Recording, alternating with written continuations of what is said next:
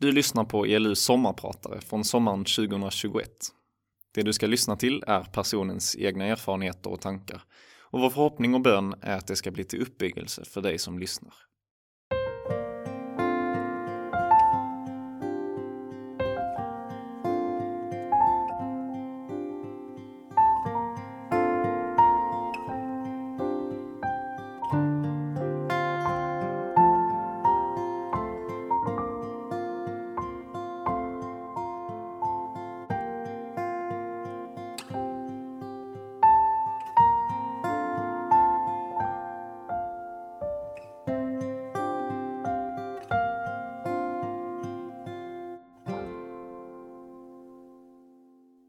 Vi kan ju börja vem jag är.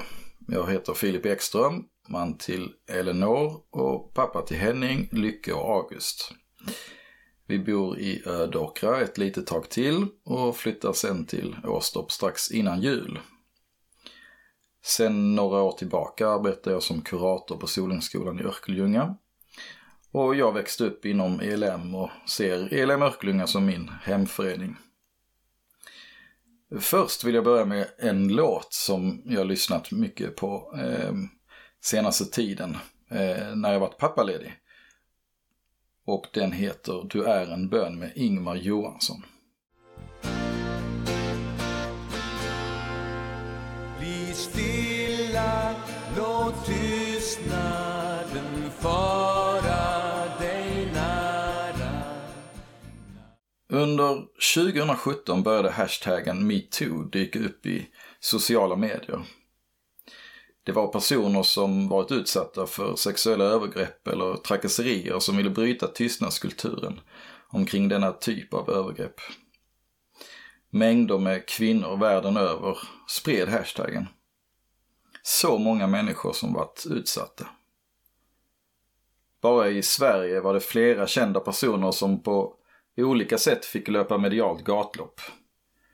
Politiker, journalister, tv-personligheter och andra fick lämna arbete och uppdrag. Som vanligt sattes fokus på den anklagade. Dock var det en hel del berättelser från offren som lyftes fram och lite varstans kunde man läsa om offrens berättelser. Till allra största del var och är det kvinnor som utsätts för sexuella övergrepp och trakasserier. Men även killar och män utsätts. Hur många av alla som varit utsatta, tjejer eller killar, och som vågade skriva metoo på sociala medier har aldrig framgått mig veterligen. Den som varit utsatt för övergrepp hamnar ofta där. I skamkänslor, i skuldkänslor. Man vill inte berätta. Man vill inte riskera att inte bli trodd. Därför var metoo extra viktigt. Det gav kraft och styrka åt väldigt många att berätta. Det är vanligt att trycka undan sina känslor om det förskräckliga som hänt. Vem vill återuppleva skräcken en gång till? Vem vill anklaga sig själv gång på gång för att man inte kämpade emot? Vem vill vara den som inte hade förmågan att fly situationen? Vem vill vara den som frös till is och bara spelade med? Innan, under och även efter metoo blir påfallande ofta den som utsatts för övergrepp anklagad. Kanske skulle hen haft mer kläder på sig. Kanske skulle hen inte druckit så mycket alkohol. Kanske skulle hen inte flörtat så mycket. Kanske skulle hen inte varit så öppen och trevlig. Hen kanske inte skulle vara där ens. Om hen inte hade funnits hade det inte hänt. Ni kanske noterade att jag tidigare poängterade att även killar och män utsätts för övergrepp och trakasserier. Det stämmer. Men syftet med att poängtera det var inte för att flytta fokus från alla de kvinnor som utsatts för övergrepp. Varje övergrepp, oavsett mot vem, är avskyvärt. Anledningen till att jag lyfter upp just killar är för att övergrepp mot killar engagerar mig väldigt mycket. Bland annat för att det inte talas så mycket om killar som utsätts. Men också för att jag själv kunde skrivit metoo på sociala medier 2017. Det gjorde jag inte. Jag vågade inte riktigt. Jag är glad för att så många vågade. För mig är ni riktiga stjärnor. Ett övergrepp färgar på något sätt resten av individens liv. Förhoppningsvis är det läkandet och värdefulla insikter om sig själv som blir den bestående färgen. För en del går färgerna dock i skiftningar av rädsla, bitterhet och inte minst ilska. Samtalet med en individ som är eller har varit traumatiserad är en av de mest meningsfulla situationer jag kan tänka mig.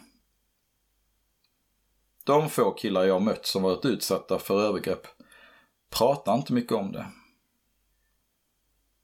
Så mitt budskap till alla killar och tjejer som någon gång varit utsatta för övergrepp är enkelt.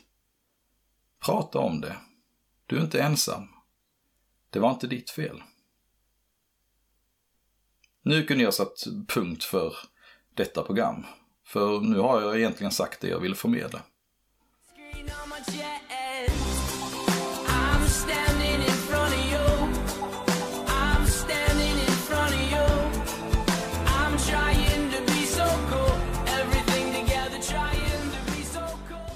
Hos många terapeuter, psykologer och själavårdare är det inte ovanligt att konfidenten får göra någon slags tidslinje. Tidslinjen kan vara över en begränsad period i livet, eller så kan den vara från det att man föds till där man befinner sig idag. Tidslinjen kan ta upp en mängd olika händelser i livet, ofta sånt som fastnat och som inverkat både positivt och negativt i personens liv. Inte sällan är det både stora och små händelser som personen upplever viktigt och därmed hamnar händelsen eller situationen på tidslinjen. I många fall kan det vara en god idé att vilja ha flera positiva händelser än negativa på sin tidslinje. Ibland har även jag arbetat med elever som använt sig av tidslinjen. I mitt arbete som kurator är det vanligt att vi i samtal kommer in på elevens historia och sammanhang. Erfarenheterna i livet formar oss på olika sätt och här i ligger ofta nycklar till vårt jag just nu. Det kan tyckas självklart att en elev i början av tonåren funderar på frågor såsom Vem är jag och vad är syftet med mitt liv? Ibland får jag uppfattningen att det inte är lika självklart att även vuxna arbetar med dessa frågor. För visst är det frågor som varje människa borde ställa sig nu och då. Dessa existentiella frågor och den där tidslinjen är något jag själv arbetat mycket med i mitt liv. Under en ganska lång period i slutet av tonåren gick jag varannan vecka i terapi. Det var via KRIS som jag fick möjlighet att arbeta med mig själv. Som kurator är jag van vid att lyssna på andra människor, ung som gammal. Så sitter jag här och nu i en omvänd situation där det är jag som ska stå för pratet. När jag fick frågan om att vara sommarpratare för ELU var första tanken att våga vara personlig. Det fanns även med i den lilla instruktion inför sommarpratet. Var personlig. Det är ju inte helt lätt att vara personlig. Kan ju kännas ganska utlämnande och naket. Hur offentlig vill man vara med sin person? Är det inte bara ens närmaste som ska känna till den mer detaljerade varianten av en själv? Eller finns möjligheten att vara personlig och djuplodande? Man kan vara personlig på flera sätt. Exempelvis kan man berätta om fun facts om en själv som kanske få känner till. Ett annat sätt att vara personlig på kan vara att den du samtalar med får höra om något du känner eller tänker innerst inne. Ett tredje sätt är att du med din person och med dina egenskaper påverkar en annan människa. Mitt sätt att våga vara personlig i detta sommarprat går ut på att lyfta händelser, personer och funderingar från mitt liv som jag tycker är viktigt och som haft stor betydelse för mig. Framförallt har jag lärt mig av andra människors berättelser om sig själva. Deras tankar, känslor, deras historia, deras händelser i livet, deras slutsatser, deras inneboende visdom. Finns det något mer spännande än att höra en människa berätta om varför den är som den är? Jag föddes 1984. Hemmet jag växte upp i låg utanför Örkelljunga i Boalt. Vi bodde i ett rött hus med vita knutar. Man kan beskriva miljön som lantlig med bondgårdar runt knuten och traktorer som vanligt inslag. Mormor och morfar bodde mitt emot oss och det fanns många trygga personligheter i byn. Jag brukade gå över till grannarna Rut och Ture för att filosofera lite. Rut minns jag som en god lyssnare. Hon lyssnade aktivt, ställde frågor, hummade med. Hos Rut kunde man vara på tu man hand och sitta och prata ostört. I min familj är vi många syskon och det var inte alltid lätt att ostört sitta ner och prata. Jag har förstått senare i livet att jag inte var helt obetydlig för Rut. När hennes man Ture dog var den lille Filip säkert ett välkommet inslag i hennes vardag. Så pass välkommet att när hon långt senare blev dement och inte kände igen människorna runt omkring henne på ålderdomshemmet så kunde hon ändå komma ihåg och prata om mig. Jag ångrar att jag inte hälsade på henne på ålderns höst och än mer att jag inte ens gick på hennes begravning. Som någon sa här förleden, ångrar man någonsin en begravning? Man kan säga att min morfar, David Paulsson, var den som lärde mig väldigt mycket om Bibeln. Som många andra barn inom dåvarande BV var söndagsskolan en av källorna till bibelkunskap och vandring genom Bibelns berättelser. Och visst hade vi i mitt hem aftonbön och bibelläsning i stort sett varje dag. Men morfar hade åtminstone stor betydelse för mig, inte minst vad gäller att lära mig och förstå Bibelns berättelser. Han hade ett mycket målande sätt att berätta och var en otrolig talang på att göra berättelsen verklig, spännande och rolig. Ofta vävde han in mig i berättelsen. Som om jag var med där på platsen tillsammans med Josef, Jona, kung David eller när Noa byggde sin ark. Det här med bibelläsning och andakt är en svår puck. Som sagt, vi hade bibelläsning och aftonbön i stort sett varje dag hemma. Men att få till den personliga andakten har jag alltid upplevt svårt. Det kan funka i perioder. Då känner man sig lite extra kristen och from. Sen funkar det inte alls. Då känner man sig som en hedning. Jag hade någon knasig föreställning om att när man gifter sig, då, då ordnar sig andaktslivet. Då är man ju två som delar på ansvaret och då kan man be tillsammans med någon. Tji fick jag.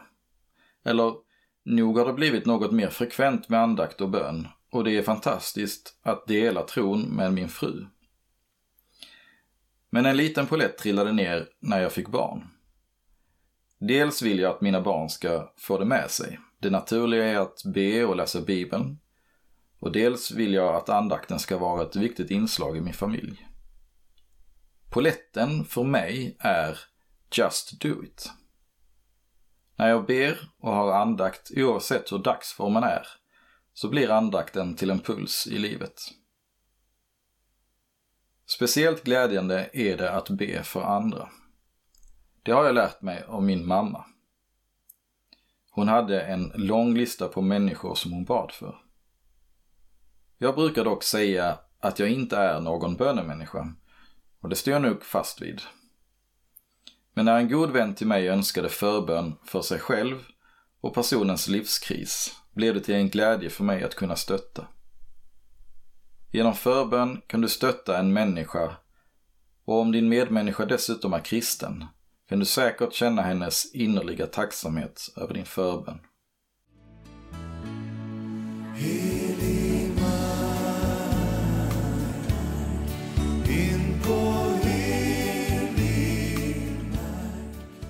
Den som känner mig trodde kanske att mitt sommarprat skulle handla om Edvard Henrik Henke Larsson. Och visst, om du gissade att det skulle handla om Henke så har du på ett sätt rätt. Jag kan ju inte ha ett sommarprat utan att nämna min idol. Henrik Larsson kommer från Helsingborg och spelade fotboll under början av 90-talet i HIF innan han blev proffs. Först i Feyenoord i Holland och sedermera i Celtic i Skottland.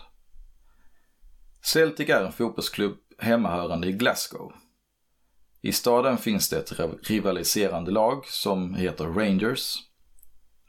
Dessa båda klubbar, Celtic och Rangers, är verkliga antagonister som prenumererat på ligatiteln under många, många år. Intressant är att den katolska delen av befolkningen i Glasgow sympatiserar med Celtic och att den protestantiska delen av befolkningen i Glasgow sympatiserar med Rangers. Lyssna gärna på Erik Nivas podd om Celtic och Rangers. Under sina år i Celtic blev Henrik Larsson lagets tredje meste målgörare genom tiderna och den enda svensk i historien att vinna Guldskon. Vilket är ett pris till den spelare som gör flest mål under en säsong i en europeisk toppliga. Henke går under smeknamnen King of Kings och God bland Celtics supportrar. Alltså kungarnas kung och gud. Som kristen kan man ju helt klart diskutera dessa smeknamn. Men smeknamnen syftar väl mer på hur stor och överlägsen han var som fotbollsspelare än på att han skulle vara något form av andligt väsen. Däremot kan man väl verkligen säga att Henke blev en legend i Celtic. Efter en fin karriär i Celtic flyttade han sedan till Barcelona och vann där Champions League säsongen 2005-2006. Därför var det inte utan stolthet från min sida som Henke därefter som färsk Champions League-vinnare flyttade tillbaka till Helsingborg och HF. Idolisering eller förhärligande förgudning som synonymer.se erbjuder är ju ganska vanligt. I vår tid kan det vara just fotbollsspelare, någon artist, influencers eller någon grym skådis som blir till mångas idoler. Vidare kan även mindre ting, men ack nog så påtagliga, anta skepnaden av en idol. Jag tänker på exempelvis telefoner, skärmar och paddor. Eller den där datorskärmen du tittat på nu i sju timmar. Vad gör du egentligen på datorn? Spelar kod? Slösurfar? Kollar serier? Porr? Under våren har min skolas klass 6 och klass 9 deltagit i en enkätundersökning gjord av Region Skåne. Regionens samtliga klass 6 och klass 9 har deltagit i enkäten som bland annat handlar om psykisk hälsa. På frågan om hur mycket tid eleverna spenderar framför en skärm svarar cirka två tredjedelar att de sitter minst tre timmar framför skärmen varje dag. Kan det vara så att alla dessa skärmar har blivit vår tids främsta idol? För den som är ung idag vet inget annat än att leva livet via skärmen. Men vi som är lite äldre än 15 vet hur det var innan de smarta telefonerna eller till och med hur det var innan datorns inträde i samhället. Kan man våga säga att det var bättre förr? I detta sammanhang tror jag det. Tänk om Region Skånes enkät visat att dagens elever i klass 6 och 9 lagt minst tre timmar varje dag på att fota sig själva. Eller om 15-åringar varje dag läckt krig i skogen med syfte att låtsas döda varandra på blodigast sätt, gärna med ett skott i huvudet, minst tre timmar. Varje dag. Eller ännu värre. Tänk om enkäten visat att Skånes elever i klass 9 besökt en bordell minst tre timmar varje dag. Nog hade reaktionen i samhället blivit betydligt livligare om dessa aktiviteter förekommit dagligen bland 12 och 15-åringar. Men nu då? Hur mycket skada kan selfies, krigsspel och porr egentligen göra? Min poäng är, genom telefonen och datorn får unga tillgång till en annan värld. En värld en ung människa inte borde utsättas för. På vilket sätt tar vuxna sitt ansvar i detta?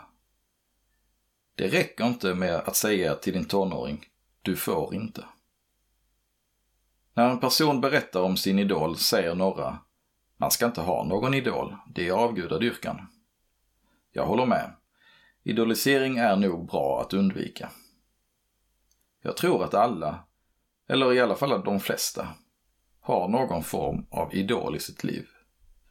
Något som tar din uppmärksamhet. Vad är din idol? Hur påverkar det ditt liv? Dina tankar? Dina relationer? Din gudsrelation? Lägger du minst tre timmar om dagen på en skärm? Vad skulle du kunna göra av den tiden istället? Om du lagt hälften av den tiden på Gud, hur skulle det påverka dig?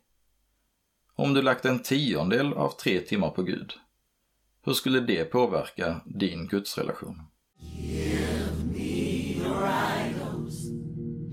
every God that you made. You know the things you love more than me. You die if I took. För några år sedan slutade jag som ordförande för ELU. Det var ett roligt och utmanande uppdrag att bära. ELU har på många sätt funnits med under stor del av mitt liv. Egentligen sedan mellanstadieåldern då pluslägerna började anordnas. Förr hette det KUS, men bytte under 00-talet namn till Evangelisk Luthersk Ungdom, ELU. Jag tycker att det är underskattat att arbeta i en styrelse. I styrelsen får man kännedom och insyn i organisationens arbete. Och inte bara det, du får dessutom vara med och forma organisationen. Svåra frågor såsom anställningar, personalhantering, visioner, samarbeten, kritik och liknande kan beskrivas som utmanande och lärorikt. Har du någon gång chansen att bli invald i en styrelse så uppmanar jag dig att göra det. En fråga som jag tycker är viktig är ledarskap. Både ledarskap på det organisatoriska planet men också på föreningsplanet, alltså kyrkans, församlingens eller föreningens ledarskap. Hur ska arbetet bedrivas? Hur ska organisationen se ut? Hur kan medlemmarnas gåvor komma i funktion? Hur kan vi hjälpa varandra att se varenda människa i vår kyrka? Hur kan just vår församling eller organisation sprida budskapet om Jesus? Jag är numera medlem i EFS Helsingborg. Som exempel på ledarskap är prästen i EFS Helsingborg tillsammans med styrelsen för församlingen samt ett församlingsråd det som utgör ledarskapet. Jag har med glädje sett hur några ELM-föreningar anställt predikanter eller föreningsledare. Det andliga, organisatoriska och visionära ledarskapet tror jag är en del till att behålla unga människor i ELM. Det tillsammans med att föreningarna i södra ELM går samma väg som föreningarna i norra ELM. Det vill säga att vara församling snarare än förening. Jag tror att det finns en överdriven rädsla för att den goda tradition med ideellt engagerade ska bli mindre engagerade om det finns anställt folk, predikanter, pastorer eller präster. Kan det vara så att en pastor snarare engagerar folket? Att en pastor tillsammans med en styrelse eller äldsteråd kan ta ett större ansvar för medlemmarna, för själavård och diakoni? Jag vet inte det, men jag tror det. Nåväl, jag vet att dessa frågor gällande ledarskap och församlingstänk diskuteras i rapporten gällande ELMs framtid. Det tycker jag är bra och önskar allt gott i arbetet med att hitta ELMs framtida bild av sig själv. För övrigt är den rapporten och dess diskussion intressant och läsvärd. Du hittar den på ELMs hemsida. Ängsliga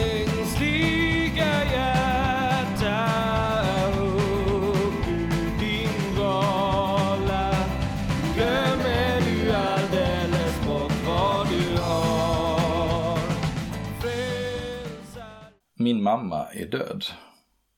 Den 7 maj, ungefär klockan 23.00, satt jag i min bil på parkeringen utanför vårdhemmet Kungshult i Helsingborg. Jag satt där och insöp stunden som varit. Jag hade just tagit farväl av mamma. Magkänslan sa mig att det var sista gången jag träffade henne. Jag hade haft en stund ensam med henne, en bön för henne, några sånger. Den sista sången jag sjöng för henne var I frid vill jag lägga mig ner, i frid vill jag somna in. Ty du, Herre, låter mig bo i trygghet och i ro. Klockan 00.15 den 8 maj 2018 dog hon sen. Min bror ringde mig och sa, nu är det slut. Mamma hade under drygt ett år varit sjuk i cancer, primär levercancer. Vi var beredda. Insåg någonstans ganska tidigt att det inte skulle gå vägen. Hoppet som pendlar upp och ner. Sjukhusbesök, samtal om livets verkliga frågor. Den palliativa vården cirka en vecka innan hon skulle dö. Och sen slut. Döden är obarmhärtig, oundviklig. Det enda jag med säkerhet vet om framtiden. Som min tysklärare sa en gång i tiden, du måste ingenting, du måste bara dö. Mammas sista månader gjorde henne allt svagare. Hon blev smalare och smalare, knappt igenkännlig, mindre och mindre. Insjunkna kinder och darriga rörelser. Längre och längre mellan stunderna av vettiga samtal. Några dagar innan hon dog berättade jag och Ellen att vi väntade barn. Hon skrattade till som svar. Kunde inte avgöra om det var ett uppgivet skratt eller ett skratt av glädje för oss.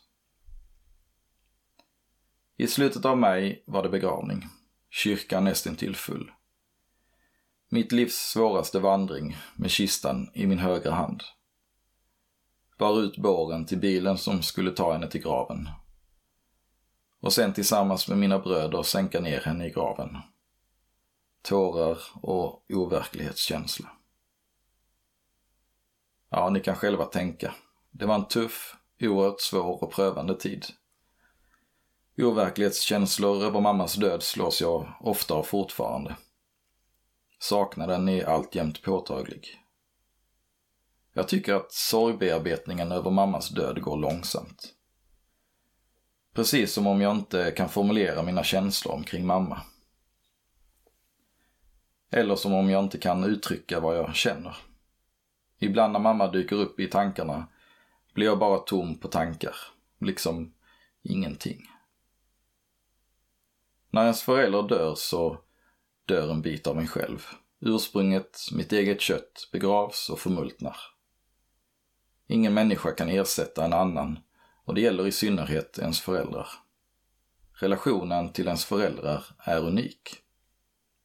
Som Guds barn får vi se på fadern som en förälder. När mamma dog lämnade hon sin familj i sorg och saknad, men hon fick också, som ett Guds barn, komma hem till sin egen herre och skapare, till sin förälder. Relationen till Gud är också unik. När Jesus dog begrovs han, men han förmultnade inte. Jesus är den ende som besegrat döden och stått upp ur sin grav. Han lever har triumferat så att vi ska slippa döden som en slutstation.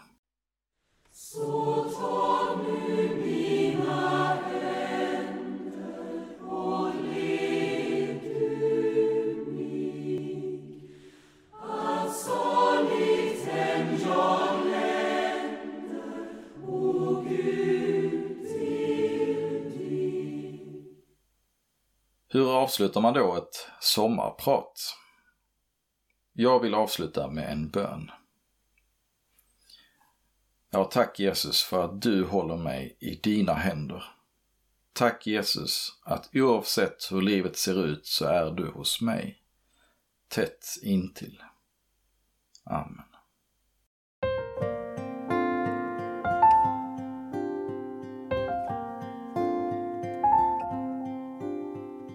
Du har lyssnat på ELUs sommarprat. Du hittar våra andra avsnitt i ELU-arkivet i din podcastapp, på Spotify eller på elungdom.se. Där kan du dessutom ge en gåva eller bli månadsgåvogivare till ELU. Tack för att du lyssnat och ha en riktigt fin sommar.